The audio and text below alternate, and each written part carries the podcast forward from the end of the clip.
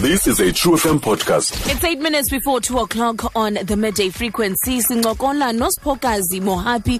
She is a musician joining us emnxebeni. Siphokazi nkosi kakhulu ngexesha lakho. Sikubulisa sikwamkele True FM. Enkosi sisi wam ngexesha leli ndiyabulisa kubaphulaphula be-true f m It's such a pleasure having you. Um khawusithathe usibeke nje gqabagqaba ku ekukhuleni kwakho elusikisiki. Eh yintoni apha ekukhuleni ekubangele ukuba ube ngulo mntu unguye namhlanje?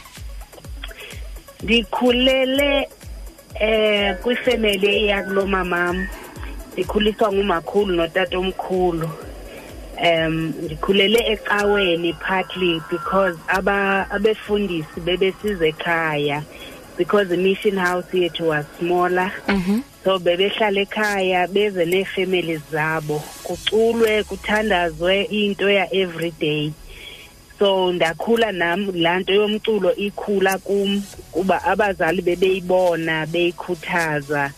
Kodwa bengafuni i- bebe- bebesoyika uba ingaya phambili i- ibe yile nto iyiyo namhlanje kodwa because uthixo wazisa abantu phaa ekhaya uba mayivuseleleke because yinto esasihlala siyenza ukucula Mm. yeah, i think yeyona nto iye yagqama kakhulu ngaphezu kwezinye izinto ebendizenza ezimntana Mm. Xa ndijonge ibali lakho.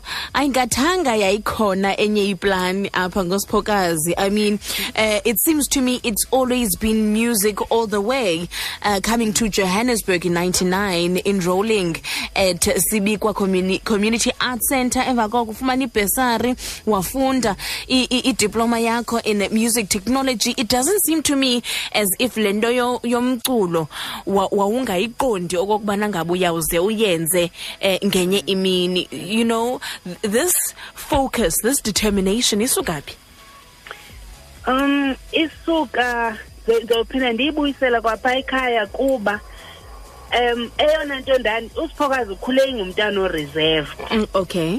Um eh edlala nabanye abantwana nje njengabantwana bonke kodwa usiphokazi bumbona eba al- more alive xa ecula.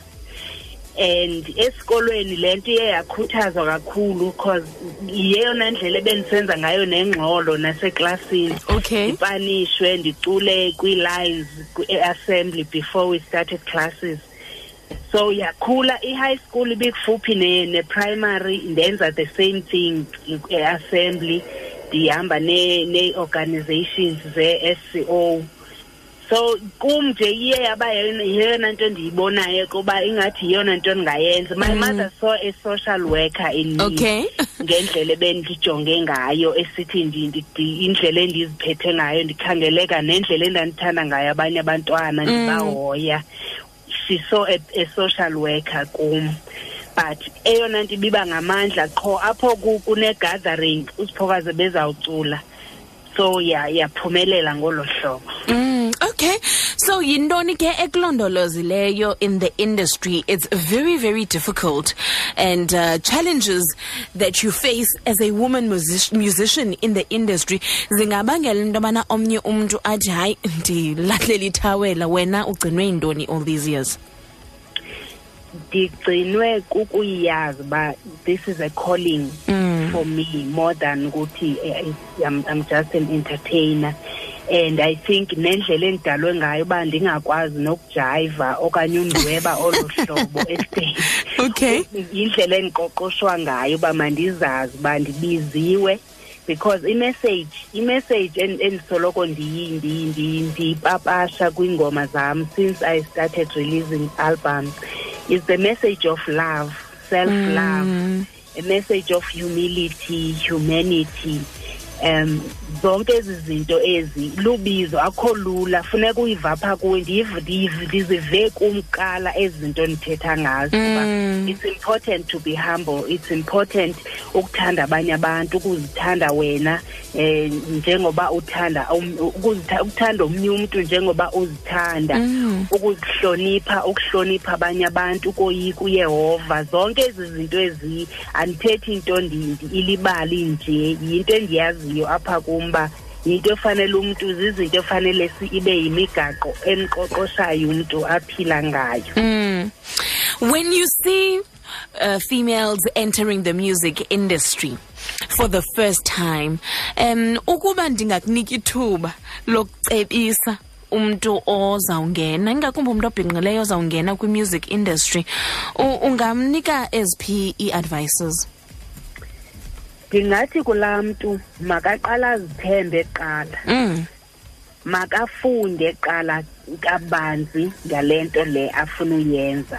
Makayikhulise ngoba afunde. Mhlawumbi akazuba nawo amandla okuya esikolweni kodwa ukufumana aye library afunde ezancwadi zithetha nge-music business akhulise ibrand ayazi uba uya pha as a brand not laa mntu obecula emngcwabeni afumane iplate yokutya. Mm. kodwa ekugqibeleni makayazi uba uyibrand ezawubeka isonke etafileni and funeka athathe ii-decisions ezi-informed ekuhambeni kwexesha. So yiyo loo nto kubalulekile uba makafunde ngale nto ayenzayo. Ingapheleli ekuthini uzawucula kuphela. And ayikhathalele italente yakhe. Mm. we need to nurture our voices exercise your voice stretch the muscle ocula ngayo ungavele ukhwele estage nje ucule funeka uzazi wena qala uzilolonge uzilungiselele le ndlela ende kangako uzawuhamba ayingekho lula noba lula Mm. Okay, okokugqibela we've got a minute before we get to the news at 2 o'clock. Ubhizi ngantoni ngoku and singakufumana phi kwi-social media pages zakho? Ndipapasha icwecwe litsha elibizwa ngosiphokazi. Oh. eli cwecwe linazo zonke ezi zinto endithethe ngazo. Lithetha ngothando liyakhuthaza nangakumbi ukuthi kweli xesha siphila kulo namhlanje izinto azikho lula. The whole world is facing izinto ezibuhlungu. Kodwa i'm encouraging people ukuthi let us endure more as people and love ourselves more and love one another more and support each other more especially abantu besifazane even abantu besilisa siba si, yes i know ukuthi benikhomba iminwe ngamacala owusemncane but kubalulekile ngokuba sijonge ingcambu ukuthi yintoni le yenze utata benze yonke lento bayenzayo. Mm. ikhona yonke loo nto kwii-albums zam ukuthi can't we be those role models that we needed when we were young? Ukuze sibe nabantu aba- bama- abangamadoda abathanda abantu besifazane ngokwenene ababakhuselayo nabanga-abuse substance abayazi yinjongo yabo emhlabeni ndiyafumaneka ku-instagram siphokaze sings facebook siphokaze sings instagram um benditheni twitter at siphokaze sings Enkosi kakhulu sisiphokazi. Thank you for talking to us. Enjoy the rest of your day.